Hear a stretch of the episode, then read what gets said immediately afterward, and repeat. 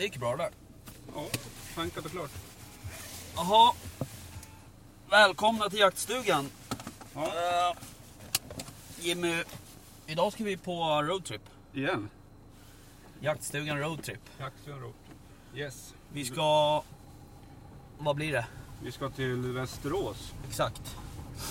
Och ehm, Hälsa på en eh, man som har många järn i elden kan man säga. Han är lite överallt då. Ordförande. ja, han är ordförande både på Svenska Jägareförbundet Yes. och på FACE Face. som är... Europeiska jägarorganisationen. exakt. Sen är han väl även ordförande i Nordiska samverkan. Samverkan för jakt Ja. eller något liknande va? Mm, precis. Fråga han om det, tänkte jag. Eh, Så att eh, vi ska ner till honom och intervjua.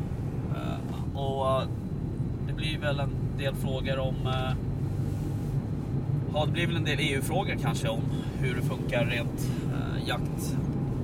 jaktmässigt och, och med all lobbyverksamhet som, som sker så att säga. Absolut, det ska bli intressant att höra vad, vad som händer nere i Bryssel, Ja, tänker jag. exakt. Och eh, hur arbetet går för, för svensk jakt där nere. Ja, Så, yes. Ja, ja. Nej men vad fan, eh, vi tuffar väl på här så ja, eh, absolut. får vi återkomma. Ja, Ja, gör det. kör så. Hej.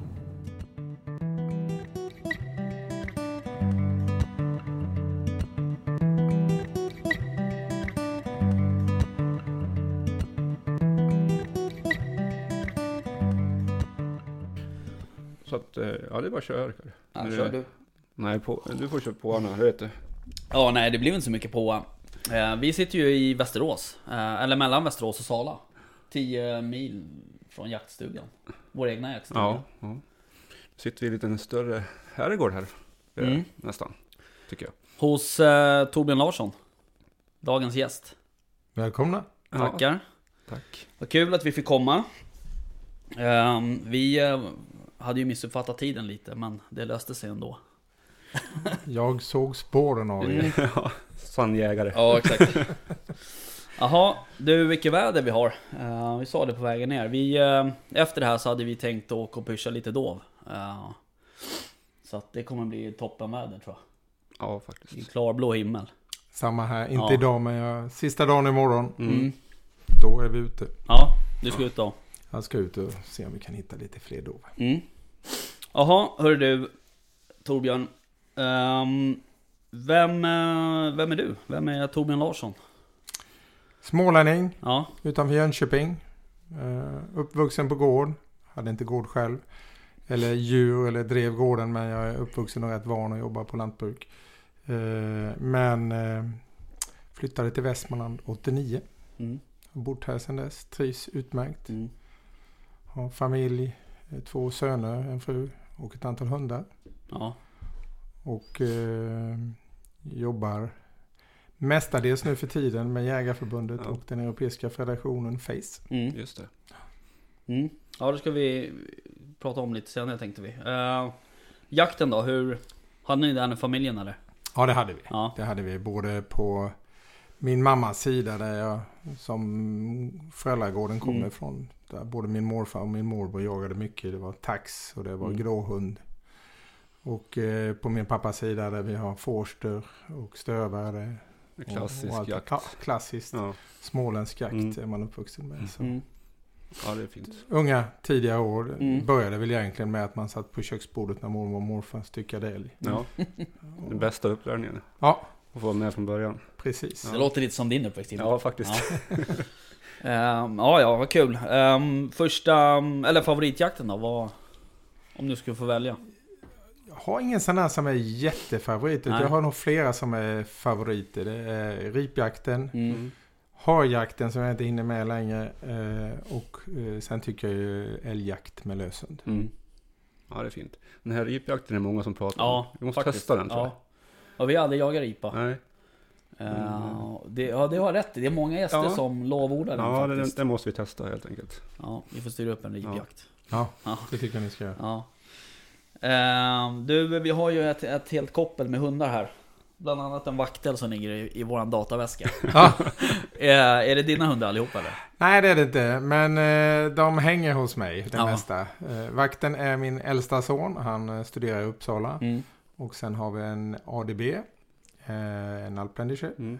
eh, som är min yngsta son. Mm. Han är på semester just nu. Och sen har jag själv en jämthund. Mm. Mm. Lite av varje då. Ja, Så det, du har täckt upp bra där. Ja, men det behövs. Vi brukar ha fler hundar faktiskt. Ja. Men nu är det, nu är det faktiskt en forster på gång i Mm. korthårig. Ja, just det. Som är i, i, på måndag eller två veckor. all right. Är det, vad är tänkt med den då? Fågel eller? Det är först och främst är det fågel. Ja. Stående. Eh, Så det ska bli jättekul att börja jobba med den. Mm. Så nästa år, inte i år blir det inte Nej. fjället men nästa år blir det Mm. definitivt fjället. Mycket jobb. Ja. Tid som du har enormt mycket av. Ja, precis. Men fördelen med forster det är nämligen att man kan den tränar man jättebra hemma. Ja, När jag går till hundgården eller Ja. till kontoret. Så. Eller bara hemma och lär den att vi är två som ska Mm. jobba ihop. Mm. exakt. Ja, det är smidigt. Jaha. Um, hörde du, ehm, lite um, karriärmässigt då? Ehm, utbildning och, och sådär. Vad, vad började det? Ja, jag brukar säga att först gick jag in och skulle välja då. Jag skulle läsa gymnasiet. Jag hade bestämt mig för att bli flygtekniker. Men när jag satt där så jag, valde jag skogsbrukslinjen. Mm. För jag tänkte börja jobba inom skogen. Eh, Och jag ville göra något praktiskt först för att sen bli skogsmästare eller jägmästare. Mm. Så, så jag började faktiskt i skogen. Började hugga för Södra Skogsägarna en gång i tiden. Mm. Inte länge. Jag slutade ganska snabbt och körde eget åt bönder. Och högg ett och ett halvt år var det väl. Mm. Eh, sen eh, var det lite lumpen och lite eh, resor. Så utbildade Ja. jag mig inom ekonomi och eh, marknadsföring. Mm. Så det är min utbildning. Ja, sen har jag en hel del andra utbildningar Mm. efter det. Men kan man säga lite i grunden. Mm. Ja. Hur hamnade du på Svea Jägareförbundet då? Jag, jag har varit väldigt nära Jägarförbundet hela mitt liv Mm. egentligen. Vi, min, min far och- har varit engagerad, inte som förtroendevald men vi andra kontakter och grannar. Eh, haft mycket kontakter med Jägarförbundet sen, Mm. sen väldigt ung. Men det var här i Västerås. Jag var ordförande i Företagarna Ja. och lämnade uppdraget för, det måste vara snart, 15 år sedan. Eh, och då fick jag en förfrågan om jag ville engagera mig i Jägarförbundet. Mm. Och det var nog som de allra flesta. Jag tyckte att Jägarförbundet behövde bli något annat. Ja. Vi, hade då i Västmanland börjat få in varg. Just det. Och jag ville inte bara knyta näven i fickan utan jag tyckte att vi skulle jobba lite annorlunda. Mm. Så det var nog därför jag tackade ja till att bli engagerad. Mm. Ja, det är ju bra. Men vad, gick du in som ordförande direkt då eller? Nej. Nej, jag blev invald i länsförbundet. Ja. Och sen blev jag ordförande i länsförbundet. Och efter ett år som ordförande där så blev jag då invald i förbundsstyrelsen. Okej. Så det är min resa. Så Ja. jag tror, jag kommer inte ihåg riktigt, men jag tror jag blev invald i förbundsstyrelsen 2011. Okej. Mm. All right. Sen var du ju, sen är du väl ordförande i Nordiska eh, Ja, jag var det. Jag blev också, du var det? Ja, sen Mm. blev jag då, eh, jag var ordförande i eh, Nordisk jägarsamverkan som vi kallar det. Ja. Och då är det de nordiska länderna som har en Mm. gemensam organisation där vi samverkar mycket i det, det vi gör. Idag handlar det mer om att samverka för det vi gör i Bryssel. Men Mm. när vi startade för många herrans år sedan så var det mer att samverka i Norden. Mm. Men det lämnade jag när jag då blev erbjuden att bli ordförande i den europeiska. Mm. Okej. Case. Ja. Mm. All right. Ehm, vad tänkte på Jägarförbundet eh, om vi ska börja den ändan? Ja, absolut. Ehm, så ehm, det mesta man, man läser nu för tiden eh, Det är ju om de här eh, nya jakttiderna som har varit ute på remiss och sådär Och eh, där har det ju varit vårboxjakten har ju varit ett hett ämne Har du läst om det? Ja. Vad är det som har hänt där riktigt? För att det är lite diffust eh, Alltså, och det vet vi ju själva liksom hur det är på sociala medier och så här. Folk har ju egna uppfattningar om saker och ting Men ehm, vad, vad är styrelsen? Är inte de liksom eh, överens med länsföreningarna? Eller hur, hur ser det ut liksom? Vad är det som har hänt? Så här fungerar det. Vi eh, började för exakt två år sedan med en jakttidsprocess inom Ja. förbundet. För vi visste då det här skulle komma. Mm. Eh, så det var i februari 2018. Eh, då drog vi igång den här processen. Vi har haft ett antal möten. Mm. Vi har haft ett antal Skype-möten och även fysiska då. Vi har haft eh, workshop. Eh, vi har jobbat inom eh, länsföreningar ner till krets, förbundsstyrelse, Mm. förbundsstyrelse, länsföreningar, personal. Eh, så vi har dryftat den här frågan ganska mycket. Mm. Eh, om vi ska gå på den heta potatisen direkt så Ja. kanske det är mest då vårboxjakten och Ja. delvis februarijakten också givetvis. Ja, eh, så kom styrelsen till ett beslut där vi föreslog jakt på vårbock i hela Sverige. Mm. Efter att vi då har lyssnat på länsföreningarna Mm. och att vi har vägt in alla andra avgörande som finns då. Det här är en demokrati eh, Mm. som inte alltid är lätt att förstå. Nej. Vi har ju Dels har vi ett gammalt stämmobeslut sedan 2013. Där vi tog ett beslut eh, att vi ska jobba för vårboxjakt i hela Sverige. Mm. Okej. Eh, förbundsstyrelsen tackade då eh, nej till det förslaget. Vårt förslag var att inte ta in det i, i stämmobeslutet utan vi ska jobba med det i jakttidsprocessen. Mm. Men stämman gick emot förbundsstyrelsen och eh, föreslog att det skulle bli hela Sverige och stämman vann. Jaha. Så det var en, en aktör som Mm. vi var tvungna att ta hänsyn till givetvis. Det är vårt viktigaste organ, det är eh, eh, årsstämman. Mm. Det är där medlemmarna Ja, säger precis. sitt. Ja. Och sen är det så, mellan stämmorna är det förbundsstyrelsen som leder verksamheten. Och operativt så anställer vi då en generalsekreterare Mm. som driver eh, hela det dagliga verksamheten. Mm. Sen har vi en massa andra parametrar att ta eh, ansvar för. Och eh, enligt vår bedömning så låg det 50-50 om man vill ha det eller inte ha Mm. det. Och då är det vissa andra överväganden som är väldigt viktigt för oss. Det är att eh, våra medlemmar vet vi vill att vi ska jobba för att det ska bli mer jakt. Mm. Alltså inte på bekostnad av till exempel etik Nej. eller något annat. Nej. De vill att vi ska jobba för mer jakt. Och de vill att vi ska ha frihet under ansvar. Mm. Det är väl där det svåra kommer in. Det är där, precis, eh, och det har med kultur att göra. Mm. Men frihet under ansvar eh, ställer ju vissa krav på etiken och moralen. Mm. Bland annat, och hur man jobbar.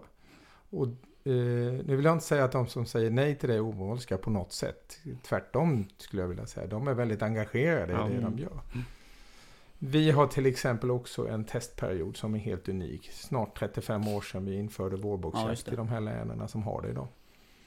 Eh, och i statistiken kan vi inte se någon skillnad i kvalitet på rå- rådjursstammarna. Okej. Och det är ett antal parametrar till. Ja. Och det man missuppfattar är då att man har röstat i länsföreningarna. Det har man ju inte. Man har sagt vad man tycker i det länet. Ja, okej. Och sen väger vi ihop det här, vad de tycker i länet. Ja. Vi har perspektivet att se eh, helheten. Och att väga in massa andra parametrar. Och det är det vi har gjort. Ja, okej. Sen kan jag säga att förbundsstyrelsen, eh, det viktigaste inte är själva beslutet, det är Nej. att det har gått rätt till. Och det är jag starkt kritisk till de som tycker att det inte har gått demokratiskt till. Det har Mm. gått otroligt demokratiskt till. Ja. Eh, jag vet inte under mina år, det var 2011 jag blev invald i förbundsstyrelsen och 2007 tror jag jag blev invald i, i länsförbundet. Jag har Mm. aldrig varit med om en process som har varit så demokratisk Nej. och lyssnande. Nej. Sen är det en del som inte gillar beslutet, men Nej. det är en annan Nej, sak. så är det ju.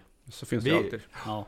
50-50, massa övervägande. Mm. Eh, vi måste ta ett ansvar och fatta beslut och det gjorde vi. Mm. Eh, Vi har ju pratat en del om vårboxjakten i den här podden. Eh, bland annat med... Vi pratade ju med Tor, eller med, mm, vad heter han, Torsten Berg. Ja, just det. Eh, om det. Som han, han har ju forskat typ på Bogsund och, och sådär på rådjur. Och är väldigt kunnig på rådjur och så. Och jag personligen gillar ju vår, vårjakt.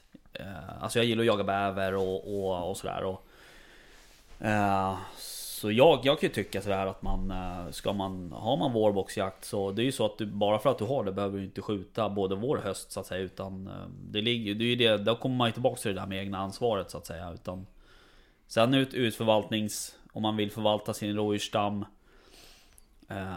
med, med syfte eller med mål att, att, att få bättre anlag Då kanske det till och med är bättre att skjuta bockarna på våren De stora. Så att de, alltså så att man liksom Får in nya gener då i, om man inte är nöjd med, med generna hur de ser ut Men ehm, ja, ja, nej men ehm, det diskuteras ju mycket. ehm, det där med vårbocken. Men det måste jag säga, jag tycker det är bra det debatteras och diskuteras. Eh, vi ska ha högt i tak i förbundet. Mm. Eh, sen finns det lite ytterlighet som tar lite Mm, eh, kurvorna lite väl eh, Ja. Mm. långt ut eller gena. Ja. Eh, men det får vi leva med, så fungerar det. Ja. idag. Jo, Eh, så är det. Du nämnde även februarijakten där. Ja. I början där. Det är tal att ni ska få skjuta ända in i februari med, med hondjur. Det? Det, förslaget ligger på att ge ett och och kid i februari. Och det Mm. är... Dels har vi tittat på vad forskarna säger. Mm. Eh, och vi tittar på hur vi gör med annat klövvilt. Mm. Eh, och vi vill inte ha ett A och B-lag i, i, i, viltet. Utan eh, om vi nu då ska jaga till exempel som vi gör nu. Ni ska ut ikväll, jag ska Mm. ut imorgon och jaga Mm. dovhjort. Eh, enligt forskarna ska rådjuren klara av det här li, minst lika bra som dovhjortarna. Mm. Eh, Så då tycker vi att det inte ska vara ett A och B-lag. Ja. Utan kan man acceptera dovhjort till exempel så Ja. ska man kunna aktivera, äh, acceptera rådjur. Och sen, Mm. sen är det precis som du sa, man behöver inte gå ut och, och, och fälla varenda rådjur. Det tror Nej, jag inte precis. vi jägare gör. Jag, tror Nej. vi, jag vet att vi är väldigt duktiga på det här. Eh, Det kan också vara en pysventil om man har varit stressad och inte hinner med att skjuta allt annat. För nu Mm. är det ju tyvärr så att vi, vi har en del djur som tar över en hel del tid. Mm. Utan eh, vi måste hålla efter och förvalta rådjuren också. Mm. Ja, Eh, absolut. Men jag, jag tror inte det kommer bli någon anstormning varken på våren Nej. eller februari. Det såg vi i, i de här länen där jag själv bor. Mm. Och ni gör väl det också tippar jag på va? Eller i närheten av de Ja, länen i alla fall. ja, vi har ju Uppsala. Uppsala, ja. närmaste, ja. Vi såg en liten uppgång Ja. eh, eh, första året där men sen ser vi ingen skillnad på Ja. grannlänen när det gäller Nej. avskjutning. Nej, för att det måste ju vara en fördel när man kan, när man kan jämföra före och efter liksom, så att säga. Alltså du får ju en väldigt tydlig bild om hur jakten, eller förvaltningen och jakten såg ut innan Tjernobylolyckan så att säga och sen efter då. Hur snabbt kom beslutet eh, för vårbocksjakt efter själva olyckan? Kom det samma... Nej, året efter? då? 80, ja, jag, kom, jag tror det kom rätt så snabbt. Ja. Jag har, det mitt, till, ja, mitt minne håller inte så långt. Nej. 25 år tyvärr. Nej. Vi var knappt födda då. Nej, precis. Ja, ja Visste inte vad jakt var nästan. Ja, ja. Um, all right. Nej, men då så. Då har vi lite, lite mer koll på de där bitarna. Ehm, en annan sak är ju det här med löshundsjakten och sådär. Och, och um, Svenska Jägareförbundet... Uh, uh, stämmer det att Svenska Jägareförbundet försöker liksom ehm, jobba för att det ska bli någon typ av kulturmärkning på löshundsjakt? Kultur, Ja. absolut. Yes. Jag tittat på det här ganska länge. Det är en lång, väldigt lång process att Ja. få igenom det. Det är ingenting man snyter sig i näven ur så att säga. Utan först kommer det då accepteras att vi kan göra det från Sverige och sen ska det in i Unesco. Och Ja. hela den resan. Just det. Eh, Falconerarna lyckades ju med det här. Va? Ja. Just det. Eh, och vi samarbetar idag till exempel med Kennelklubben om det här. Vi, vi, Okej. vi har mycket kontakt internationellt. Vi känner falconerarna. Mm. Eh, vi vet hur deras process gick till Ja. och vad de behövde göra för att lyckas. Mm. Eh, men det är klart, det- handlar också om att inte vara ute för mycket och Nej. skrika om det här. Nej. För vi har våra motståndare Mm. eh, som då kan motverka det här också. Va? Som inte förstår Nej, precis. den här, det här starka kulturarvet som vi har i Norden. Mm. Mm. Varför vill vi ha kulturmärka? Det kan vara bra att förklara kanske. Vid en kulturmärkning så är det ju så att eh, då måste länderna egentligen acceptera att vi jagar med löshund. Mm. Eh, och det tror jag alla kan förstå fördelen Mm. Mm. Mm. Ja, det är ju våra kultur, kulturer som Ja. sagt. Det är det Jo, grunden, men man, gru- man, grunden stöttar ja, och jag menar man vet ju Alltså Man vet ju länder också där, där det inte finns den här löshundsjakten så att säga och det blir ju enormt begränsat liksom med, Mm. med jaktutövning Mm. kan man säga. Ja, det är, för, för de som inte är internationellt bevandrade så eh, är det lite svårt att se hur unikt det är i Sverige Ja, med löshundsjakten. I vissa, vissa länder och vissa, till exempel i USA, vissa stater Mm. får du inte ens använda Nej. hund. Det är förbjudet att ha det till och med till eftersök. Ja. Jo, det fick vi lära oss av Anders Geijer. Han tog också upp det. Ja, just det. Mm. Eftersökskultur i, i USA. Ja. Det- Och det är ju, det är ju för oss eh, Svenska jägare, är det är ju väldigt svårt att förstå På något sätt Ja. Eh, men eh, det är klart. Nej men det, det låter ju som att eh, det kan vara klokt att, att jobba för det helt enkelt. Vi, vi har absolut det som en av våra viktigaste punkter. Men det är mycket annat som ska göras samtidigt. Ja, mm. Eh, Men den är på vår agenda och Mm. vi, vi tog upp den senast bara för ett par veckor sedan. Så Ja. hade vi en diskussion om det här. Så det, Och- det och- rullar, arbetet rullar på. Ja. Vad får ni, får ni några bra gensvar då? Ut i arbetet? Ja, just nu handlar det mycket om informationsinsamling, Mm. eh, argumentera. Eh, och jag tycker eh, absolut, Mm. det här bör gå. Men det kommer inte gå som en quick fix. Nej. Nej, det tror inte jag heller. Mm. Eh, utan eh, om vi sköter vår hundhantering som vi gör idag Mm. och eh, vi kan samarbeta med andra aktörer så tror jag vi kommer lyckas med det här. Mm. Vi får vänta några år. Ja, Det är som vår motionshantering i förbundet. Mm. Vi brukar säga att det tar mellan 12 och 12 år eller Ja. vad det kan vara, att få igenom, eller 15 år att få igenom en motion. Mm. Men den går oftast igenom, för oftast får Jägarförbundet som vi vill. Mm. Det där är ju något som man hör ganska ofta ifrån Jägareförbundet att man liksom slow and steady på något sätt. Eh, Så att, och det det är också nog tror jag Folk har nog eh, liksom synpunkter på det så att säga men, men eh, Jag tror heller inte att man kanske inte förstår då hur, hur liksom föreningslivet fungerar på något sätt. Eh, för att jag tror att det är Just det där att det, det tar, kan ta liksom tio år innan man faktiskt får igenom sin fråga. Men det är ju Det säger sig självt lite när liksom är När man behöver jobba med så många instanser och så många liksom Personer kan man säga. Men eh, ja. men det är lite grann vad, som jag tyckte att Jägarförbundet, man visste inte riktigt vad Jägarförbundet gjorde. För man, fick, man fick ingen information tidigare. Nu har det blivit mycket bättre i och för sig, nu, nu syns ni mer. Tidigare så syntes ni inte så mycket tycker jag, eller Jägarförbundet syntes inte så mycket förut. Man visste inte riktigt vilka frågor som arbetades med. Jättekul att du säger det, för det här Ja. Traditionellt har det varit så här att jägarna har skött sitt. Mm. Mm. Och Jägarförbundet var i stort sett, när vi ville ändra en jakttid så gjorde vi det. eh, För många, många, många år sedan. Mm. Eh, och sen vi, alla känner till i samhällets inverkan och påverkan på jakten idag. Vi har viltförvaltningsdelegationer där alla parter, Mm. partier, fiskare, eh, vad heter det, alla, alla som är ute i naturen ska vara med och bestämma. Mm. Så det är mycket svårare idag. Ja. Eh, Men vi har löst alla problem och sen eh, har det varit nog med det. Vi har inte behövt berätta det. Idag behöver man vara mycket, mycket bättre Mm. på kommunikation Mm. och berätta vad vi gör. Och där, vi har faktiskt satsat på kommunikation, Mm. även om vi har, en, vi har en bit kvar. Men Mm. det är en, en av våra högsta prioriteringar. Mm. Ja, det tycker jag är bra. För det, Jo, man man, ska vi fortsätta med. Mer öppenhet till Ja. medlemmar och folket.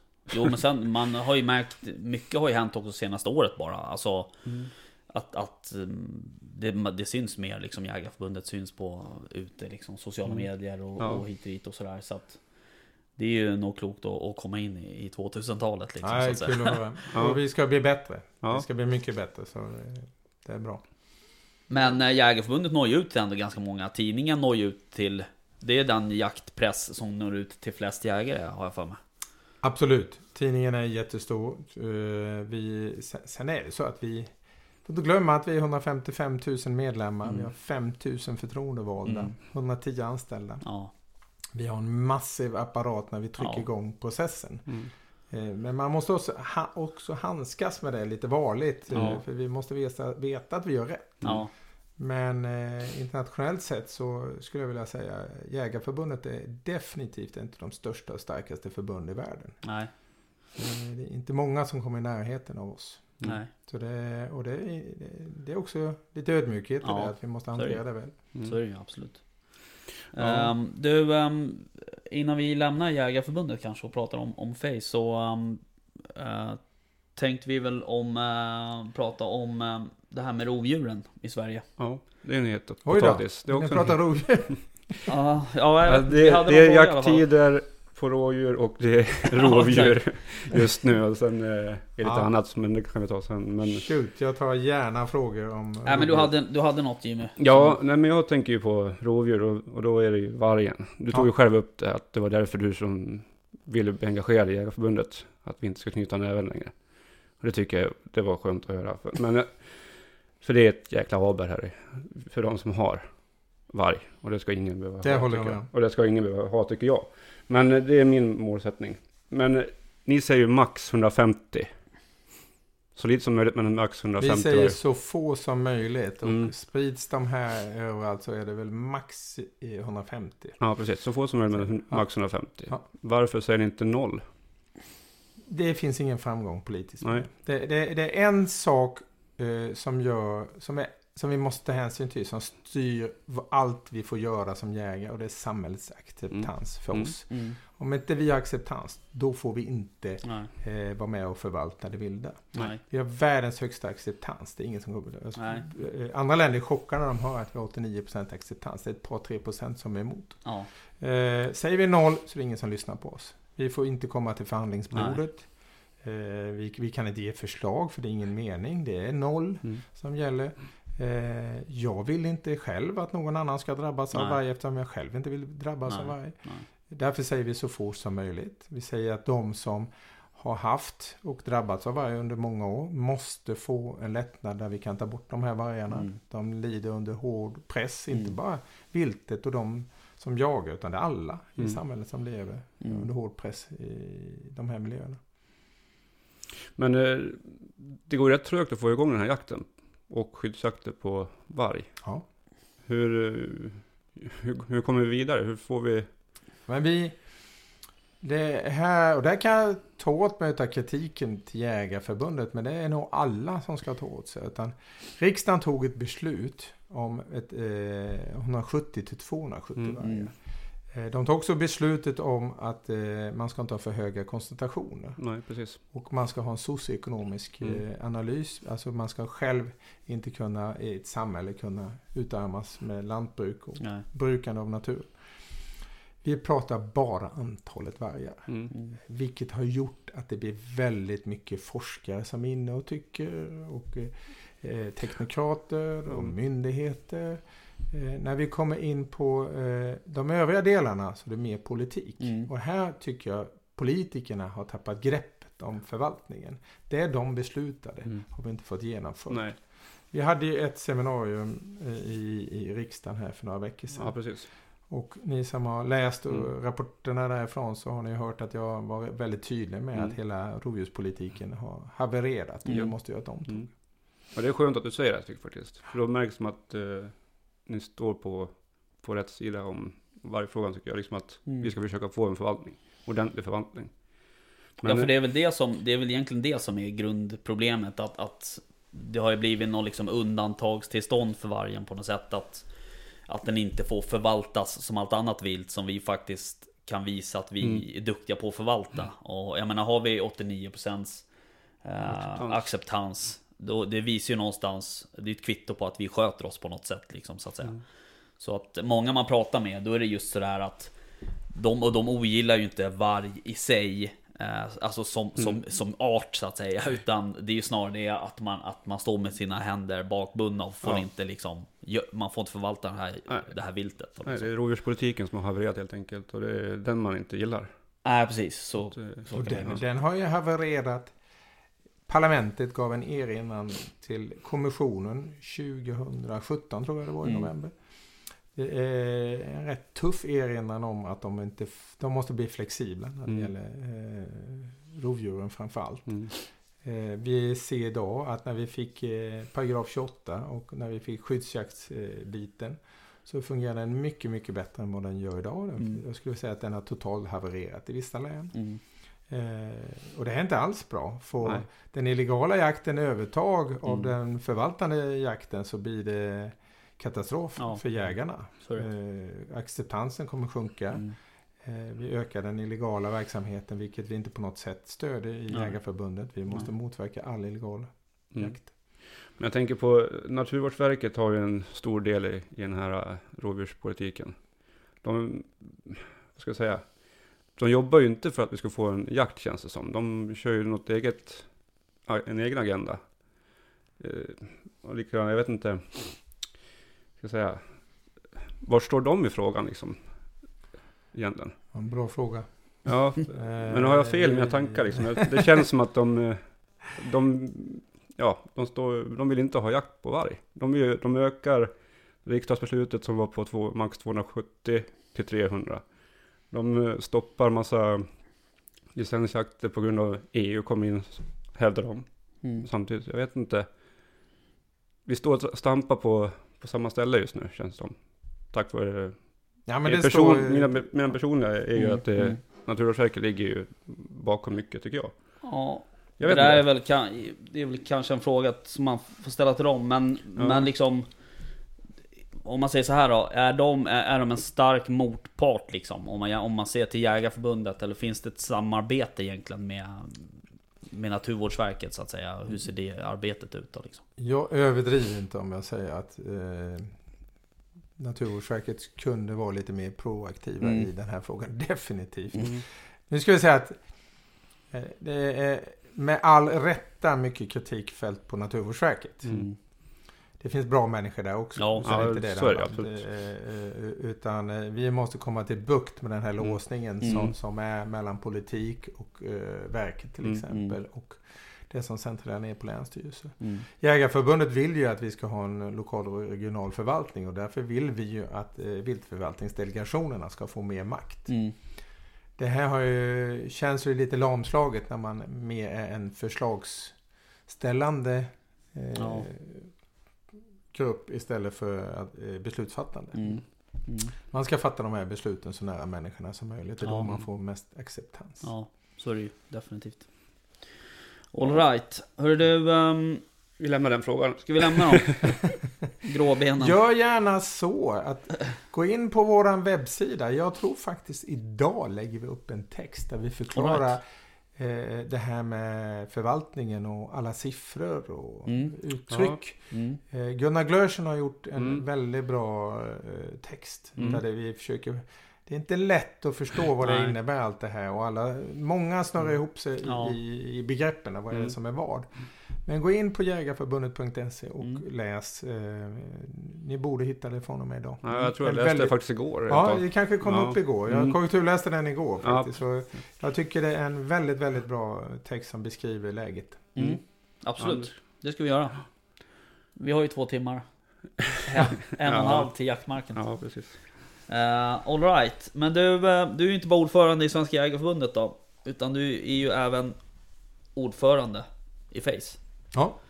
Ehm, vad... ehm, ska du servera kaffe? Ja, jag tänkte det. Absolut. Eh, berätta lite om, om Face. Vad, hur länge har det funnits? Och vad, är- vad är det egentligen? Face är en federation av idag 37 länder. Ja, det är så många. Vi är eh, världens största federation av eh, jägare. Ja, Den har funnits i lite drygt 40 år. Jag tror det var två år sedan. Ja, det var det. ja, Eh, vi firade 40 år. ja. Eh, sitter i Bryssel. Och eh, vi är, jag brukar säga våran position är Bryssel. Mm, Sen gör vi mycket saker över hela världen. Mm. Men Bryssel är där, det är vår hemmabas. mm, Vi kan Bryssel, vi har ett kontor med 14 anställda. Som är otroligt duktiga på att eh, verka där nere. Det är en egen en liten eh, bubbla. Ja. Eh, och eh, vi har kontakter och kan öppna i stort sett varenda dörr i Bryssel. mm, Både till, så att EU är uppbyggt utav tre institutioner. Du har parlamentet med de folkvalda. Du har eh, kommissionen som man mer kan säga är departementen kanske. Och så har du eh, eh, rådet mm. där då medlemsstaterna sitter. Okej. Och det här är lite svårt att, att hänga med hur besluten fattas och tas Mm. och vad man ska trycka. Sen har du massvis med, med andra beslutsfattare Mm. som sitter runt omkring det här. Mm. I blyfrågan till exempel Just finns det. ju då ECHA som man lyssnar till. Ja. Eh, Så det är många sådana. Så det är, men Face är, är, en, en väldigt speciell organisation. Ja. Med mycket, mycket kompetens eftersom vi har inte bara de 14 anställda utan sätter vi ihop en arbetsgrupp som vi har nu i Ammunition Mm. till exempel när det gäller blyfrågan Mm. så har vi alla experter från alla jägarförbund i hela Europa som Ja. är med. Så det är mycket kompetens som Ja. samlas. Ja, verkligen. Och ehm, nu eh, följer ordförandeskapet då följer till Sverige. Ja. Eh, och det får man väl se som en fjäder i hatten då, antar jag. Jättekul. Ja. Eh, eh, Sverige har aldrig haft den rollen. Det har varit eh, en dansk har haft det Mm. väldigt tidigt. Sen har det varit italienare och fransmän Mm. och så vidare. Är det där, eh, är det bundet till ett visst antal år eller hur funkar det där? Man väljs på tre år. Svenska Ja. Jägareförbundet som ordförande väljs du på ett år i taget. Mm. I face, eh, och internationellt brukar det vara så att man väljs mellan tre och fem år Ja, till ett ordförandeskap. Mm. Men det är tre år, jag har suttit ett och ett halvt. Mm. Hur ser arbetet ut då? Um, liksom dagligdags så att säga. Jag brukar skilja på det här med att vara förtroendevald och tjänsteman. Ja. Att jag som förtroendevald kan man se mer som en politiker. Ja. Eh, Jag tittar på de långa dragen, jag tittar på eh, hur vi ska förhålla oss till eh, roller och Mm. så vidare. Medan tjänstemännen är våra ingenjörer. Det är de som har kunskapen, kompetensen om själva Mm. Eh, varan eller, eller ämnet. Mm. Eh, så mitt, mitt jobb är för det första är att leda verksamheten genom en generalsekreterare. Vi har Mm. väldigt mycket kontakt, i stort sett dagligen. Eh, eftersom det är väldigt, väldigt mycket frågor som kommer upp hela tiden. Ja. Och sen är det ju att representera de europeiska jägarna i olika sammanhang. Ja. Och få ihop, framförallt få ihop de här 37 länderna. Och det kan säkert Mm. inte lätt. Nej. Kan tänka mig Hur, hur ser förvaltningen ut mellan de här länderna? Det, det, jag kan tänka mig att det skiljer sig en hel del mellan Ja, och, och förvaltningen i, liksom, i Sverige till exempel. Oh ja. och, och sådär. Hur, hur liksom... ehm, Vilka frågor väljer man med att jobba? Eh, För jag kan tänka mig att det kommer... Det, det lär ju engageras en hel del frågor. Eh, Väljer man liksom frågor att- att jobba med? Hur funkar det?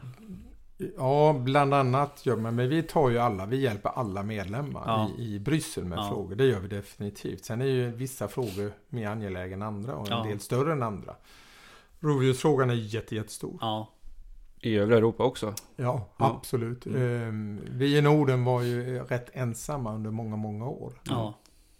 Skulle säga att vi har den bästa expertisen. Mm. Eh, vi Jägarförbundet eh, leder eh, arbetsgruppen via våran egen expert Gunnar Glörsen bland Mm. annat. Eh, vi har eh, Tyskland, Frankrike, Italien, Spanien, många andra länder som Mm. har stora problem med, med vargar. Mm. Danmark. Danmark, Mm. eh, absolut. Så de lever inte i harmoni som många säger. Med, med, med vargen. Det brukar man få höra som argument. Men de Ja. lever med harmoni i Europa med vargen. Ja. Fast nej. Nej men det europeiska arbetet, alltså 30, det är inte lätt att jobba med 37 olika Nej. kulturer. Och. Så, sen är det faktiskt så att i Europaarbetet så är en, ett land en röst. Okej. Det betyder Frankrike som Europas största Mm. jaktland. Ja. eh, En bra bit över en miljon jägare. Ja. Okej. Har en röst och det har även Malta. Ja. Ja. Så det Eh, spelar ingen roll hur många medlemmar man har i varje land så får man bara en röst oavsett Ju hur stor fler man är. medlemmar, ju mer pengar betalar du. Men det är Jaha. fortfarande bara en röst. Okej, Eh, mm. Det har vi dryftat i många år faktiskt i, Mm. jägarför- eller i Face. Och jag lyckades precis i senaste mötet, årsstämman, få ihop alla att vi skulle fortsätta med det. Ja. Eh, för det är viktigt att eh, alla har lika värde i, Mm. i organisationen. Mm. Sen är det ju så att både Frankrike, England, Mm. Tyskland, eh, framförallt Sverige och Norden, vi har en väldigt stor impact på hela Mm. europeiska arbetet eftersom vi har så mycket kompetens. Men du, apropå Frankrike. Uh, vad hoppar de ur facet då? Eller har jag... Jag läste, jag såg något som bara flög Ja. förbi när jag Ja, tittade. det är bra. Var det så? Jag sa att jag kan prata om allting. Vi hade lite stökigt för några år sedan. Jag har ju varit eh, svensk representant i snart åtta år tror jag Ja. det är, i Bryssel för, för, för jägarna. Ja. Eh, och det har varit rätt stökigt. Det var lite det jag menar med det här att få ihop 37 Ja, länder. är ja. inte lätt. Utan vi var väl nere här för ett par år sedan i ett, kanske 34 eller 32 länder. Ja, Frankrike lämnade oss. Eh, Mm. Några länder har dålig betalningsmoral och okej. eh, betalade inte. Jag behöver inte säga vilka det är. Nej, men, eh, vi gjorde ett rätt stort arbete med att göra om hela organisationen. Och Ja. då, när jag blev ordförande så fick vi med Frankrike igen. ja. Och det är den största bidragsgivaren. ja, och Frankrike känns väl som ett eh, liksom jakt... eh, kulturstarkt land så att säga. Oh ja. Det eh, Ja. Frankrike i sig självt har väldigt st- stor eh, skillnad inom sin egen jaktkultur. Ja, okej. Mellan norra och södra Aha, Frankrike. Men som jaktland är de ju Mm. otroligt stora. Väldigt eh, eh, tydliga med vad de vill i Europa. Mm. Mm. Ja, de är ju...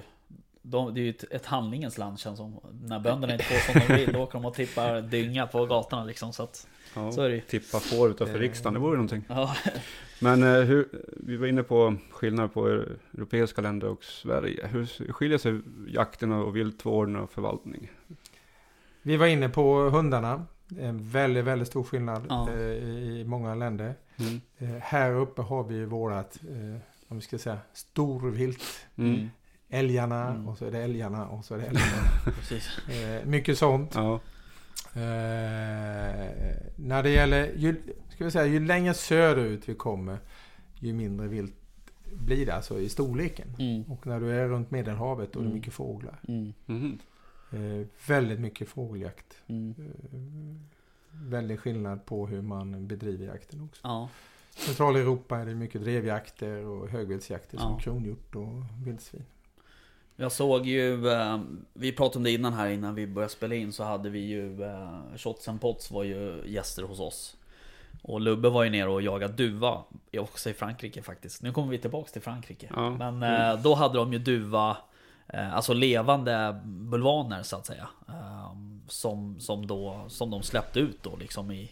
Och som, då lockade de till sig vilda duvor då så att säga. Och där ser man ju en, en tydlig liksom, det där skulle ju aldrig gå att göra i Sverige. Eh, och jag kan väl i och för sig tycka att det är bra då, men där ser man verkligen hur, hur stor skillnad det är. Bara mellan Sverige och liksom Europa så att säga. I just det här jaktetik-tänket då. Jaktetiken det, och, och en sak vi är duktiga på som jägare, Mm. det märker jag minst också när det gäller råboxjakten, Mm. eller på den debatten vi för nu.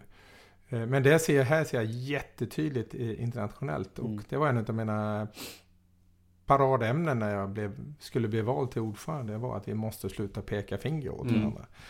Eh, för det är inte lätt det där med kultur Nej. och etik. Eh, eh, och det är inte ett försvar, det är en förklaring till Mm. varför olika saker hanteras olika i olika länder. Mm. Eh, det är väldigt skillnad. Jag hade en, kommer ihåg, jag hade en spanjor, en duktig jägare hemma här i det här huset för ett antal år sedan. Mm. Och vi satt en hel kväll och diskuterade just Mm. det här med att i Spanien, eh, Frankrike är det inte ovanligt att ha 8-10 skott per, Nej. per klövvilt. Medan i Sverige så är vi arga om vi ligger på två Ja, skott. precis. Eh, då är vi besvikna. det. Och de är helt chockade över det Ja. här. De är alltså bokstavligt talat Mm. chockade av hur lite vi skjuter. Ja.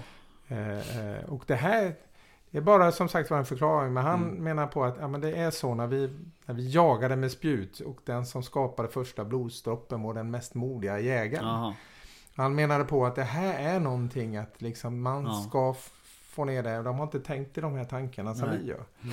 Men jag måste säga det är en väldigt stark process Ja. i de här länderna idag att eh, försöka ändra den här kulturen. Ja. Ja, men det låter ju positivt. Jag tänkte också på deras hund, jakt med hund i Medelhavet, runt i Spanien och där. Monteria och så. Ja, men alltså det är en hel del hundar igång då, jämfört med här uppe i Sverige. Det är väl också någon, Ja, det är också rätt en kulturkrock liksom. Det är en kulturkrock. Ja. En Montreal kan innehålla en 150 eller 400 hundar. Ja. Då är det rätt många hektar man jobbar Ja. på. Ja, Och varje hundförare kanske har 25 hundar. Nu har de här, jag försvarar inte på något sätt. Utan en förklaring är att när de jobbar med hundarna så har ju då den här gruppen av hundar på 25 olika uppgifter. Ja. En ska finna, en ska driva, Mm. en ska stanna och så vidare. Mm, okej. Så, ja. eh, men det låter helt makabert Mm. att gå på en jakt med 400 hundar. Ja men det, det, är ju, det är ju som vi kommer tillbaka till här nu. Det är ju liksom deras Det är ju deras jaktkultur på något sätt. Mm. Eh, Och jag menar det får man ju Man måste lära sig det helt enkelt. och Ja förstå. om inte annat så får- Ja exakt man Mm. får lära sig att förstå det på Ja. något sätt och acceptera det kanske. Mm. Men sen så kanske vi inte skulle göra så här hemma i, Nej, det skulle aldrig i, i funka. Dala-Järna liksom. Men, eh, Det skulle aldrig funka i Nej men det, Sverige. det håller jag med om. Och jag, det jag menar är att vi, vi, vi ska inte peka finger. Nej, vi, precis. vi ska Mm. liksom samarbeta och Mm. diskutera de Mm, här frågorna.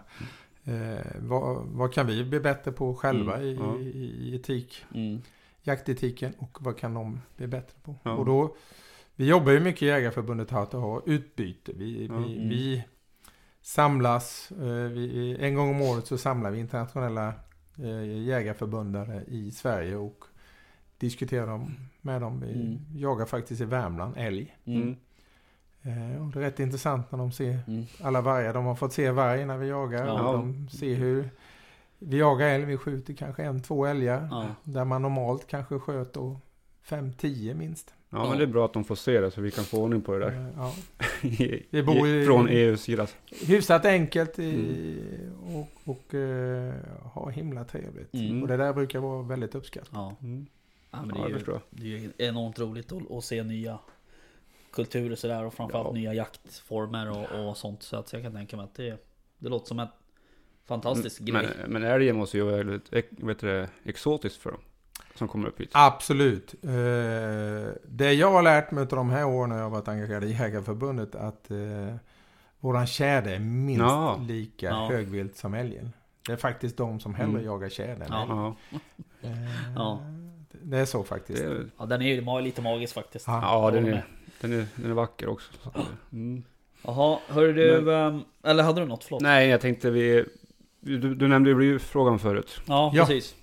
Ska vi ta den också? Ja, vi Ja, tar vi den när vi ju- håller på. Ja, precis. Vi fick ju en, eh, en lyssnarfråga om det där. Eh, Om eh, ja, hur, dels hur det jobbas med bly, ett eventuellt blyförbud då, i Bryssel då så att säga. Och, och hur, hur Face jobbar med det. Och vad man har kanske lagt för grund. Och sådär. Det, blyfrågan är ungefär som vargfrågan. Ja. Den berör väldigt många. Och eh, man eh, är också en sån fråga där man misstar sig var Jägarförbundet står. Ja, Man lägger mycket ord i Jägarförbundet. ja, Jag skulle säga om vi tar Jägarförbundets eh, roll. Skulle jag vilja säga, och även Face. Eh, vi är, alltså materialet är inte så viktigt för oss. nej, Skulle jag vilja säga i grunden. nej, Jag jagar inte och skjuter för att det finns ett speciellt material. Nej. Utan det är vad ska det här materialet göra? ja, Eh, Det ska döda effektivt, det ska vara precis, Mm. det ska ha rätt pris och det Mm. ska finnas i alla butiker. mm, I min kaliber ja, till exempel. precis. Eh, Det finns massa sådana här parametrar Mm. som vi jobbar med. Eh, Blyfrågan är superhet. Mm. Det finns otroligt starka krafter i Bryssel. Eh, Ni ska veta det att för varje jägarlobbyist så är det 30 antijägare mot oss. Ja. Ja, men det shit. förstår man ju att, det- att det är så. Jägarna Ja. lägger en miljon euro Ja, eh, i Bryssel. Jag tror det är WWF Tyskland Mm. har 80 miljoner euro i budget. ja. Du ser. Mm. Jo, de är starka tyvärr. Det är inga småspelare man Nej. spelar mot då. Så du har BirdLife och du har men, och, Mm. det, och det här är de här organisationerna som ska vi säga på ett eller annat sätt som jag vet att många jägare är emot dem men de jobbar faktiskt demokratiskt. eh, Mm. Även om de är tuffa att jobba mot. Mm. Eh, De som är väldigt jobbiga att jobba mot det är de som inte håller sig riktigt till Nej, sanningen och precis. är, Mm. också är starka där nere och har lätt att få tag i pengar. Ja, Eh, Så de jobbar ju emot oss i allting vad gäller jakt. Ja. De använder ju olika argument till exempel för att vi inte ska använda bly. mm. Så vi, processen går fort. Som vanligt driver kommissionen på. De Mm. vill eh, komma ut här med, jag tror att de skulle ha det här klart om det var 18 månader eller någonting. Ja. Och vi har fått dem till att skjuta fram det här nu. Eh, vi vill ha en konsekvensanalys. Mm. Det tycker inte de är viktigt. nej. Eh, och det var precis likadant när det gäller vapendirektivet. Alltså det ska Ja. gå fort, ingen konsekvensanalys. Nej. Utan det ska man få, någon annan hantera. Jaha. Eh, Mm. Det är ju det vi försöker få det här till att handla om just nu Mm. är ju våtmarker. Mm. Mm. För där skulle jag vilja säga är nog hela Europa i stort sett överens. Att vi ska inte skjuta bly Nej. över våtmarker. Nej. Nej. Men det måste ju finnas någonting som minst lika bra då. Som vi kan ersätta det med. Ja, eh, precis. Och eh, våtmarksfrågan, men där har man ju också då skruvat på vad en våtmark är. För Ja, oss som sitter här runt bordet så är en våtmark det är när vi ser en spegelyta. Mm. Eh, nu har man ju försökt, sökt att sätta defi- definitionen att det kan även vara en torvmosse. Ja, okej. Okej. Och då vet inte vi som jägare när vi är olagliga eller inte. Nej. För förslaget är också att du inte ens ska ha en blypatron i fickan. Nej, okej. Jaha, det är så Eh, strikt så att Ja. säga. Och eh, i stort sett hela skandinaviska halvön skulle vara då en våtmark. Ja, exakt. Så eh, det är mycket sådana här saker som spelar in. Eh, sen ska vi säga, om jag sträcker upp fingret och försöker liksom känna av en trend så jobbas det väldigt, väldigt hårt för ett blyförbud. Mm. Eh, otroligt starka krafter för det. Mm. Sen får vi, vi, vi får inte blunda vi som jägare. Eller vi Nej. måste rannsaka oss själva. Lite Vi, så är det ju. vi, eh, vi ska vara de första som försvarar naturen. Ja, Eh, men det ska vara fakta på bordet. ja. Nu gick ju då de eh, engelska organisationerna i UK då, alltså Storbritannien, gick ut ett stort antal, jag tror det var sju organisationer som gick Mm. ihop. Eh, både deras jägarförbund, eh, landsbygdsorganisationer och allting. Och är överens om att de vill förbjuda plast och bly i hagelpatroner inom Mm. fem år. Mhm. gick de ut med den 24 februari. Okej. Så det kan ni googla på. Det, Mm. det är klart att det blir ett väldigt ståhej om det. Ja, visst. Så är det ju. Men där är- har de en annan utmaning. De släpper ut 57 miljoner fåglar. Ja. Jagar de här och eh, butikerna vill inte sälja dem om de är skjutna med bly. Nej, För kunderna vill inte ha det. nej.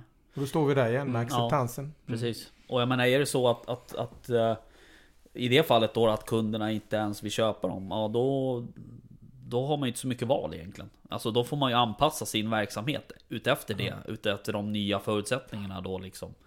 Eh, Men det är ju som du säger Jimmy, där att ska man inte jaga med bly, ja vad ska vi jaga med då liksom? Stål, eh, vad heter det där? Koppar. Vismut eller liksom. och...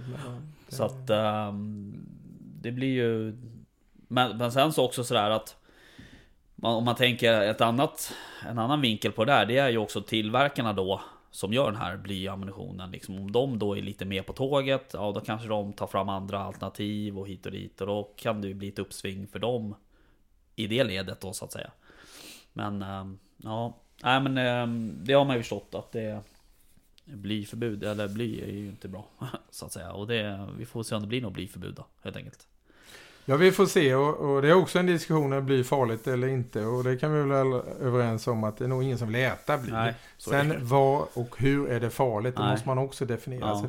Det, det, vi får för många frågor som inte eh, myndigheterna kan ge svar Mm. på. Eh, och det är det vi säger, vi måste göra en konsekvensanalys också. Mm. Vi måste kunna ge de här svaren Mm, som är rätt tydliga. mm, Eh, eh, och viss, vissa saker vet vi ju. Vi vet ju att änderna dör om de får i sig blyhagel. mm. Vi vet att eh, örnarna tar stryk av att äta eh, räntor med, Mm. som är skjutna med bly till exempel. Ja, får vi se då. Men det är vår uppgift som förtroendevalda att ta de här frågorna Mm. som är rätt tuffa faktiskt. Mm. Vi har både i egna led rätt Mm. starka eh, stark opinion. De är inte så många men de är väldigt tuffa i sin argumentering och Mm. vill väldigt gärna inte lyssna. Nej, Nej. Eh, det finns många som eh, har åsikter och vi vill ha in så många som möjligt givetvis. Va? Sen har vi den andra sidan som är jättetuffa. mm. Mm. Så blyfrågan är het. Ja, verkligen. het. Du, eh, något annat som, som är hett. det är det här med svinpesten. Ja.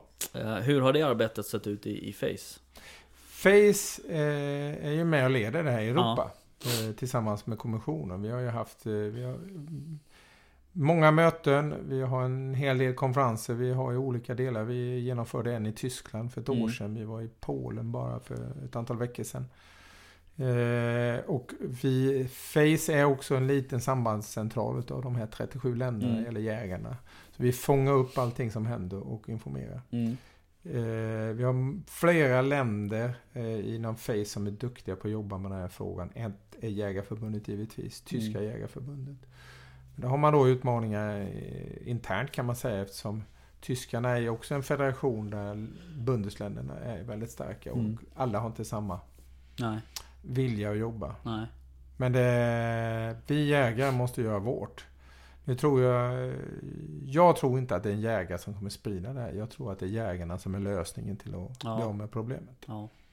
Nej, jag tror inte heller att det, är, att det blir någon eh, jaktkänga från Polen som tar med sig där in. Utan det finns nog andra vägar in eh, i vårt land. Eh, men hur ser spridningen ut då? Har den avtagit eller vad, vad är det som händer liksom? Det är, när man tittar på spridningskartan, hur Ja. den ökar sig så det kommer sprida sig. Det är väl bara 13 kilometer från den tyska gränsen Ja. tror jag. Eh, danskarna har satt upp sitt staket. Just det. Eh, Ja, som några hade rivit såg jag. ja, precis. Jaktmotståndare. Mm. Eh, problemet vi ser är ju att när inte myndigheter och regeringar, politiken förstår problemet. Mm. Det är då vi har, eh, vi har stora problem med spridningen. Mm. Utan man måste titta på de som faktiskt, jag tror det är ett land som har lyckats få bort eh, svinpesten och det är Tjeckien. Jaha. De var effektiva, de slår Ja. till direkt. Eh, och det är lite det det handlar om. Ja. Hur gör de då? då? Isolerar de det området och, och, och liksom tar bort alla djur som de hittar liksom? Eller hur funkar det? Lite kortfattat så gör man så. Där Ja. spridningen är gör man ingenting till att börja med. Nej okej. Utan man skjuter Oj. bort så mycket runt omkring. All Och right. så låter man de här stå still. I Aha, princip kan man säga i okej. taktiken. Och sen går man in och skjuter dem. All right. För då finns det, om de smiter utanför området så Mm. finns det inga andra. Nej just det. Eh, och det här, efter det här programmet jobbar vi också i Sverige och vi har Mm. haft eh, workshop.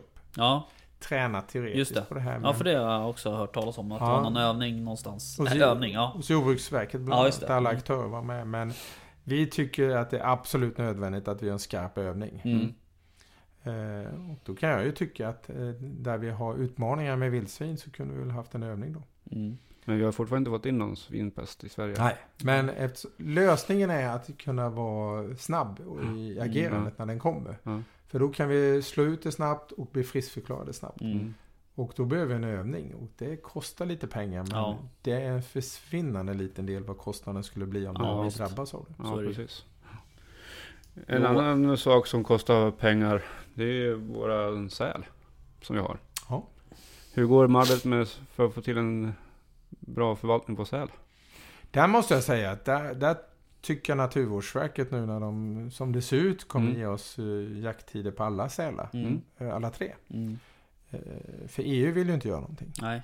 Jag var nere för rätt många år sedan när Cecilia satt som kommissionär för Mm. de här. Det var ju på, på, som handelskommissionär. Mm. Inom eh, WTO när man diskuterar handelsavtal. Så det var ju då vi förlorade det här med att får jaga säl och sälja sälprodukter framförallt. Just det, det är det också. Det är lite det det hänger om. Att Mm. vi jägare går inte ut, det är ungefär som vildsvinen, småskalig försäljning. Mm. Man gräver inte ner det man skjuter utan Ja. man vill använda det på något Ja. sätt. Så här har vi ett jätteproblem. Eh, likadant med skarven. Precis. Ja. Eh, här behöver vi också vara fler som agerar. Fiskarna, Ja. sportfiskarna och jägarna ska jobba ihop och vi Mm. jobbar ihop i de här Mm. frågorna. Mm. Men just säl... eh, Vad heter det? Sälförvaltning där känns det ju som att det, det man börjar ju se liksom ljuset i tunneln så att säga. Ringa Så- vattnet. Ja, nej, ja, men att, man, att vi faktiskt snart kommer få en, en, en licensjakt på säl. Absolut, det tror vi också. Det är Ja. bara frågan om vi får tillräckligt många. Men jag Ja. uppmanar alla jägare att intressera sig för säljakt. Ja. Jag har själv inte jagat säl. Jag känner väldigt många som gör det. Ja. Tycker det är en väldigt, väldigt trevlig jakt. Mm. Ja, Eh, och man kan ju faktiskt ta vara på sälen. Även om jag har testat att laga Ja. säl någon gång så kanske jag inte är den bästa kocken på säl. nej, Nej men det är väl en ny kunskap vi måste lära oss jag. ja absolut. Hur man tar vara på Ja. det ordentligt. Så är det ju. Det är ju... Och det finns ju enormt mycket säl. Alltså jag vet ju, vi bor ju i, i Åkersberga, det är ju en skärgårdskommun liksom. Mm. Och vi, alltså, när, ja nu är du från Dalarna här från början då, men när, när man växte upp då såg man ju inte säl så här långt in som, nu, har vi, nu kan vi se säl liksom in i kanalen i Åkersberga i stort sett. Eh, har, det, har det gjorts. Eh, Och då så tar du Åkersberg, hela Roslagen och så Ja. tittar du på, på fiskbeståndet. Ja som visst, har hänt med, det på grund av säl och skarv. Ja, Ja, det- ja, vi har ju extremt mycket skarv Ja. utanför ja, det har vi också. Åkersberga. Nå, en av världens bästa fiskevatten för gädda håller Ja. Ja, på det ut. ja. Hur ser arbetet ut med skarv då? För att få till en Det har jakt? vi Det ju faktiskt fått lite, Stockholm har ju varit pådrivande där, Mm. det måste jag säga. Va? Och nu får vi ju liksom eh, jobba mer med de här kolonierna som finns. Ja. Mm. Eh, det är en stor fråga. Vi eh, slåss ju mot de som inte tycker att man ska skjuta dem. Men jag förstår inte riktigt det. Nej, vi förstår inte det heller. Eh, Varför de är så himla emot att få in en... Det är en invasiv, invasiv art Ja. också liksom. Varför ska den skyddas? Typ näbbar och klor liksom. Jag Ja. förstår inte riktigt. nej, men Det känns som att allting ska, sk- ska skyddas. Men, ja, det är det, väl okunskap kanske. okunskap, förvaltning är det bästa skyddet för allt Mm. vilt. Så är det. Men det arbetas med nere i EU också? Oh ja. Mm. Oh ja, den är jättehet. Mm. Eh, många länder som jobbar med den frågan. Men Mm. det är ett, Är skarv ett problem i många länder? Så Oh, ja. Ja, oh ja, skarven är jättehet i Bryssel. okej. Sälen är het. Ja. Blyfrågan är het. ja, det verkar hända en del grejer. Ja, ni har mycket, många frågor på tapeten. Ja. det, är, ja, det är väldigt, väldigt många frågor. Vi har Mm. jordbrukspolitiken som ska göras om. Capen som vi säger. Mm. Eh, som, som eh, berör väldigt mycket småvilt, Mm. fältvilt. Mm. Mm. Eh, jobbar vi jättehårt med nu i Bryssel. Ja. Jägarförbundet är väldigt engagerade. Mm. Ja. En annan sak som jag tänkte på, du var inne på lite grann förut också, det här vapendirektivet. eh, Hur ser det ut med det arbetet? Det har, har det stagnerat lite? Nej, man kan väl säga att det har lämnat Bryssel. Det gjorde det ju när Ja. man tog direktivet. Den resan var ju rätt lång och där Mm. var, skulle jag vilja säga, Jägarförbundet en av nyckelspelarna. Mm. Det var en period när Face inte var så starkt. Men då var vi, Norden tog lid i det här och ett antal länder. Mm. Eh, Det höll på att bli riktigt, riktigt stor katastrof. Mm. Nu måste jag säga, det, det utfallet som blev på vapendirektivet blev trots allt eh, precis så som Sverige hanterar vapenfrågan idag. Sen har vi ju problemet här uppe med implementeringen, att man då kan tolka det här. Ja, Precis. Eh, enligt vår bedömning så behöver man inte göra någonting i vapenfrågan i Sverige, för vi har redan anpassat oss. Mm. Vapendirektivet var ju inte till för de svenska jägarna och skyttarna. Det var ju faktiskt till för vissa länder som inte skötte det här. ja. Där man kunde köpa en Mm. Kalashnikov och- och- som var pluggad med Mm. en, en skruv som man skruvar bort och så Ja. var den fullt användbar. Ja. Det var ju sådana, liksom, det var ju då eh, katastrofen i, i, i Paris Mm. Mm. i november 2015. var det Mm. Eh, så nu ligger det på implementering och den följer ju alla. Ja. Min uppfattning är att vi inte behöver göra någonting. Vi ska Ja. inte göra någonting. Vi ska lita på svenska jägare och skyttar. Det är det bästa vi kan göra. Mm. Eh, så sluta bråka om magasin till exempel. Ja. Ja. Ja, precis. Det där... eh, Just det där med magasin, det var väl inte... Jag hörde någonstans att... De kunde väl inte... Polisen kunde väl inte visa något endaste tillfälle där de hade hittat en, en kriminell med, ett- med ett löst magasin i fickan ungefär. Eh, Så att det fanns väl inte liksom belägg för att det... Det skulle vara så som... Som vissa vill att det Svensk. Jakt gjorde ju så att de ringde runt till en del poliser som är ansvariga för de här frågorna. Ja. En del distrikt. Och det var ingen som Nej. kände ett behov av detta. Nej. Eh, självklart kan man hitta någon som är i behov. Men jag tror att de vill ha andra resurser istället. Ja. Utan, vi ska inte göra lagliga människor olagliga Nej, med, med korkade förslag Nej. och, och regler. Men hur går arbetet nu då i Sverige här? Det nu ska det upp. Eh, regeringen försöker få igenom implementeringen och eh, EU ligger på dem med hot om böter. För man måste ju implementera det här inom viss tid och det har Mm. man inte gjort. Det är rätt många länder som inte implementerat det. Eh, För mig det var 18-19 länder som inte, jag, jag vågar inte säga exakt, Nej. men det är det härandet i alla fall. Ja, okej. Eh, Och gör vi inte det i tid så kan vi få böter. Mm. Och eh, nu får inte regeringen igenom sitt förslag i riksdagen. Så vi hoppas att de implementerar det som vi tycker då. Mm. Det vill säga att de hanterar det som det ska hanteras. Vi Mm. behöver inte drabbas mer än vad vi gör. Nej. Alright. Du, äh, bågjakten då? Har, har den varit en het potatis i Facer? Nej, det är ingen het, det är en eh, positiv Där är det mer Mm. accepterat. Ja, Ja. Den, eh, absolut. Eh, bågjakten, vi kommer ta en position i bågjakten på vårt eh, members meeting som det heter då i april. Mm. Som vi håller i Warszawa. Mm. Om, vi, om det inte ställs in på grund av coronaviruset. Ja, just det. Vi håller på att diskutera just det nu. Mm. Mm. Eh, utan Face kommer ta en positiv position Mm. Eh, på bågjakt. Eh, Jägarförbundet är positiva. Mm. Vi har ju motioner som säger Mm. att vi ska införa bågjakt. Själv är jag väldigt positiv Mm. till bågjakt. Jag tycker det är en fantastisk jaktform. Mm. Någonting du ska börja med själv kanske? Jag har, Du har tagit? Bågjägarexamen. Du har det ja, okej. jag köpte min första båge 1985. Okej. Ja. Eh, men jag skäms att säga att jag aldrig har jagat med båge. Nej, okej. Men jag har haft båge väldigt länge. Ja. Ja, eh, men det kommer, det är Mm. på gång faktiskt. I år är året när jag ska jaga Ja. med båge. Så jag har faktiskt... 2020 är året alltså. Ja, du ser Torbjörn Larsson så. med en båge. Det kanske blir så för oss också. Ja, Ja. faktiskt. Det är intressant det där. Nej men det var ju faktiskt, vi hade ju Anders eh, Geijer där från Svenska Jägareförbundet hos oss, eller Nej, Svenska ja. Bågjägareförbundet. Och efter det samtalet med honom så, eh, Jag var väl inte negativ till det i och för sig från början, men han lyfte ju verkligen fram liksom eh, fördelarna med det och, och liksom hela, hela själen med bågjakt kan man ju säga. Eh, Så det var rätt kul att höra faktiskt. Båg. Jag brukar säga att bågjägarna är Formel 1-föraren. Ja, Eh, De har gått igenom det här. De är väldigt duktiga jägare. eh, Har jobbat mycket med jakt och viltförvaltning Ja. och kan läsa djuren. ja. Och sen har de... Det är en väldigt lugn jaktform. Mm. De som är kritiska eh, oftast tycker att de ska läsa på lite mer. För ett krutvapen och ett, eh, pil, en pil jobbar inte på samma Nej. sätt när de ska döda ett djur. Utan jag tror det är väldigt viktigt att man förstår vad det är som ligger bakom. Mm.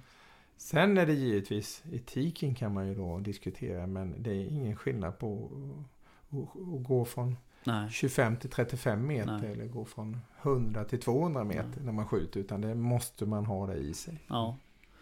Ja, men det är en intressant, eh, en intressant eh, grej helt enkelt. Bågjakt. Mm, absolut. Du, eh, medlemskap, alltså Face, är det, är det som Svenska Jägareförbundet? Kan man vara medlem med Face som privatperson så att säga? Är det en Nej. sån organisation? Nej, men ni får gärna slänga upp lite pengar. För det är mycket pengar. Ja. Tar ni Swish eller? Absolut. Ja. Nej, det är det inte. Utan man, eh, vi har, eh, det, det vi gjorde nu det var att man, man eh, har bråkat i alla år om medlemsavgiften till Ja. Face faktiskt. Och nu är alla jättenöjda för vi har ett antal jägare och GDP, alltså bruttonationalprodukt. ja. Och då, gör, då får man betala efter förmåga. okej. Och det har gjort att alla ställer upp och betalar. Ja. Eh, men de pengarna räcker inte. Det är ungefär en miljon euro. Ja. Vi behöver mycket, mycket mer pengar för att klara fighten i Bryssel. Ja. Därför har Face startat upp en ny fond. Eh, Där vi har på några få månader lyckats, faktiskt lyckats få in 1,7 miljoner kronor ungefär. Eh, Vi har amerikanare som har skänkt pengar. Mm. Tyskar Mm. och lite företag som ställer upp. Mm. Och vi har precis börjat nysta i det här med Foundation. Men vi har inte varit Nej. duktiga på det. Nej. Eh, För vi behöver mycket, mycket mer pengar. Ja. Men, Men, det är medlemsorganisationer. eh, Från ett från varje land oftast. Ja. Beroende på hur länderna ser ut. Ja. Från Sverige är det Svenska Jägareförbundet som representerar de svenska jägarna. det är bara så? Bara oss. Ja, okej. Det är ju också lite konstigt eftersom det faktiskt finns fler förbund. kan man ju tycka. Eh, oftast är det så för de flesta länder. Sen är, är man uppdelad i olika länder. Frankrike är det bara ett, en Mm. organisation. Men sen är det så att vissa länder som Italien har man många olika jägarförbund beroende på vad man har för jaktmetod eller jaktsort. Jaha, okej. Jagar Okej. du med fågelhund eller jagar du på ett annat sätt? Jagar, jagar du bara småfåglar eller vad är det? Då har man gått ihop en federation i Italien och då är man sex olika jägarförbund där tror jag. Jaha, shit. Det vi ser när man har fler jägarförbund är att man inte är lika stark inom Nej. Face. Nej. För man har rätt svårt att komma överens inom Ja. de här organisationerna. Ja, precis. Och prioriteringar och betalning och Ja. engagemang. Ja. Men hur, hur mycket bestämmer EU i våra jaktfrågor i Sverige? Jag brukar säga så här, när ni går ut i naturen så Ja. eh, 80% utav alla regler och lagar kommer från på ett eller annat sätt från Bryssel. Mm. Mm. Normalt är det 60% i samhället men det Ja. vi har räknat ut mellan tummen och pekfingret då brukar vi säga 80%. På ett eller annat sätt styrs ut genom EU. Det, och det har ingen betydelse om vi är medlem eller inte. Brexit kommer inte påverka engelsmännen. Jag kan säga så här. Nej, det okej. brittiska jägarförbundet de är väldigt angelägna om att vara medlemmar i FACE. Mm. För de kommer inte ha något att säga till om Nej. i Bryssel. Bara genom FACE kan de påverka. Ja, just det. För alla beslut som fattas där kommer på ett eller annat sätt drabba dem själva. Ja. Oavsett om man är medlem i Ja, EU så att säga. Absolut. Norge är inte med i EU. Nej, nej. Men de är medlemmar i FACE Ja. och de, de ser hur viktigt det är. Ja. Ja, där ser man. Sen kan jag, Ja. lägger jag inte värdering hur, hur, om man ska vara medlem eller inte. Nej, men, nej. men det är bara fakta. Ja. Nej, men det är ju rätt intressant för det är, det är ju många som, som hävdar just, just det så här, ja men eh, du vet De skriker om Brexit eller eh, Att Sverige ska gå ur EU hit och dit och bla bla bla och sådär Men eh, uppenbarligen så är det väl inte så då om det Nej, nej, men du har, alltså som land skriver du på massvis med konventioner Ja. och inom FN Mm. och EU Mm. eller Europakonventioner och allt möjligt som Ja. du ska följa. Och då trillar de här besluten som tas i EU ut i de Just det. beslutsorganen. Och då eh, måste du följa det här. Ska du göra handel med EU så måste du följa också vissa Mm. saker. Så. Mm. så är det. Vi, eh, vad vi än tycker om Bryssel och EU så Ja. behöver vi vara väldigt, väldigt mycket starka där. Och vi är starka idag. Som Mm. vi, jägar, Svenska Jägareförbundet är en av de absolut största, starkaste, mest inflytelserika Ja. organisationerna i Bryssel. Vilket gör att vi behöver vara rätt ödmjuka också. Ja. För vi är trots allt ett litet land. Ja. Ja, det kommer ju med ett ansvar, så att säga. Och vara störst. Så är det. Vi är inte störst som antal. Utan Nej. vi, har, ja, vi är väl respekterade. För vi, vi, vi har nordisk tradition att alltid jobba med fakta Mm. och demokrati. Mm. Mm. Jaha, hörde du, ehm, har du något, har du några frågor kvar? Nej, jag tycker jag får svar på det mesta Ja. faktiskt. Tycker också det. Ja. Vad, um, vad tänkte på, um, du skulle ju jaga dov här imorgon. Absolut. Mars, blir det någon stövarjakt? Nej, det tror jag tyvärr inte. Jag Nej. hinner inte det. Utan Nej. kanske förresten. Jag skulle varit på IVA i Nürnberg. Just det, den är inställd. Ja, Det öppnar ju upp för jakt. precis. Det är så man får se. Exakt. Jag Ja, hade nog ett 30-tal inbokade möten där nere. Ja. Och de är, är, är, frös inne. Så ja, ja, det är klart, det ges lite möjlighet. Men Ja. det kan vara så att jag har lite annat att ta igen också. ja. Jag fattar. Ja, den, Vet, den. vet vad jag Själva? såg? Jag vet vad jag såg igår? Jag var Nej. inne och kollade på jakttiderna. På Dov. Då står det att det är den 28 februari. Nej, 29 också. Ja, det står på, på eh, Men står det inte... Wehunt står det på 28. Står det? Då Mm. måste de ha missat. Sista, Ja, på Jägarförbundet precis. står det sista febru- 28 februari, sista februari, står det Ja. 29 inom parentes. Ja, just det. Ja, på Och var- men, det- men ja. inte på, på den som jag kollade på. Ja, det står det det. 28. Det tyckte jag var lite roligt faktiskt. Ja, ja. Ja, nej, eh, vi ska väl ner och, och, um, och pusha dov nu då, så får vi se om man uh, hinner med en sväng imorgon bitti, men jag tror inte jag gör det. Du är Eh, ju uppbokad imorgon. Ja, lite så. Och sen, eh, sen ska vi faktiskt ha ett... eh, jag tror att det blir nästa avsnitt så kommer vi ha räv, ett, ett avsnitt om räv. Bara rakt av. Kul. Eh, Mm. Så att där försöker vi få tag på någon sakkunnig. Eh, jag har en som jag ska ringa här. Mm. Eh, Så då kanske vi kommer locka lite räv, förhoppningsvis. Ja. Eh, Jag försökte locka in en igår. Eh, Det var rätt intressant för jag började med muspip och den bara satte sig ner på 200 meter och tittade åt mitt håll. Och sen så efter några minuter då vände den och så började den gå bort från mig. Så här. Då bytte jag pipa till har. Då vände den på klacken och satte ra- alltså, sprang rakt mot mig. Så att det är rätt intressant vilken pipa man ska använda sådär eh, den här årstiden och, och sådär. Men sen stod jag lite dumt till så att han fick ju syn på mig sen efter en stund så att eh, då vände han på klacken igen. så det vart ingen räv tyvärr. Eh, Men eh, lockjakt på det här är ju enormt roligt faktiskt, tycker jag. Det finns så mycket jakt som Ja. vi kan ta upp och Ja. bli bättre med. Jag, jag känner att den här rävjakten har kommit tillbaka. Ja, Och jag känner också att det är inte lika stort med, med drevjakt, med, med mycket vilt, utan det här med stövarjakt Ja. och rådjursjakt. eh, ja, Definitivt är det en trend som kommer tillbaka. ja.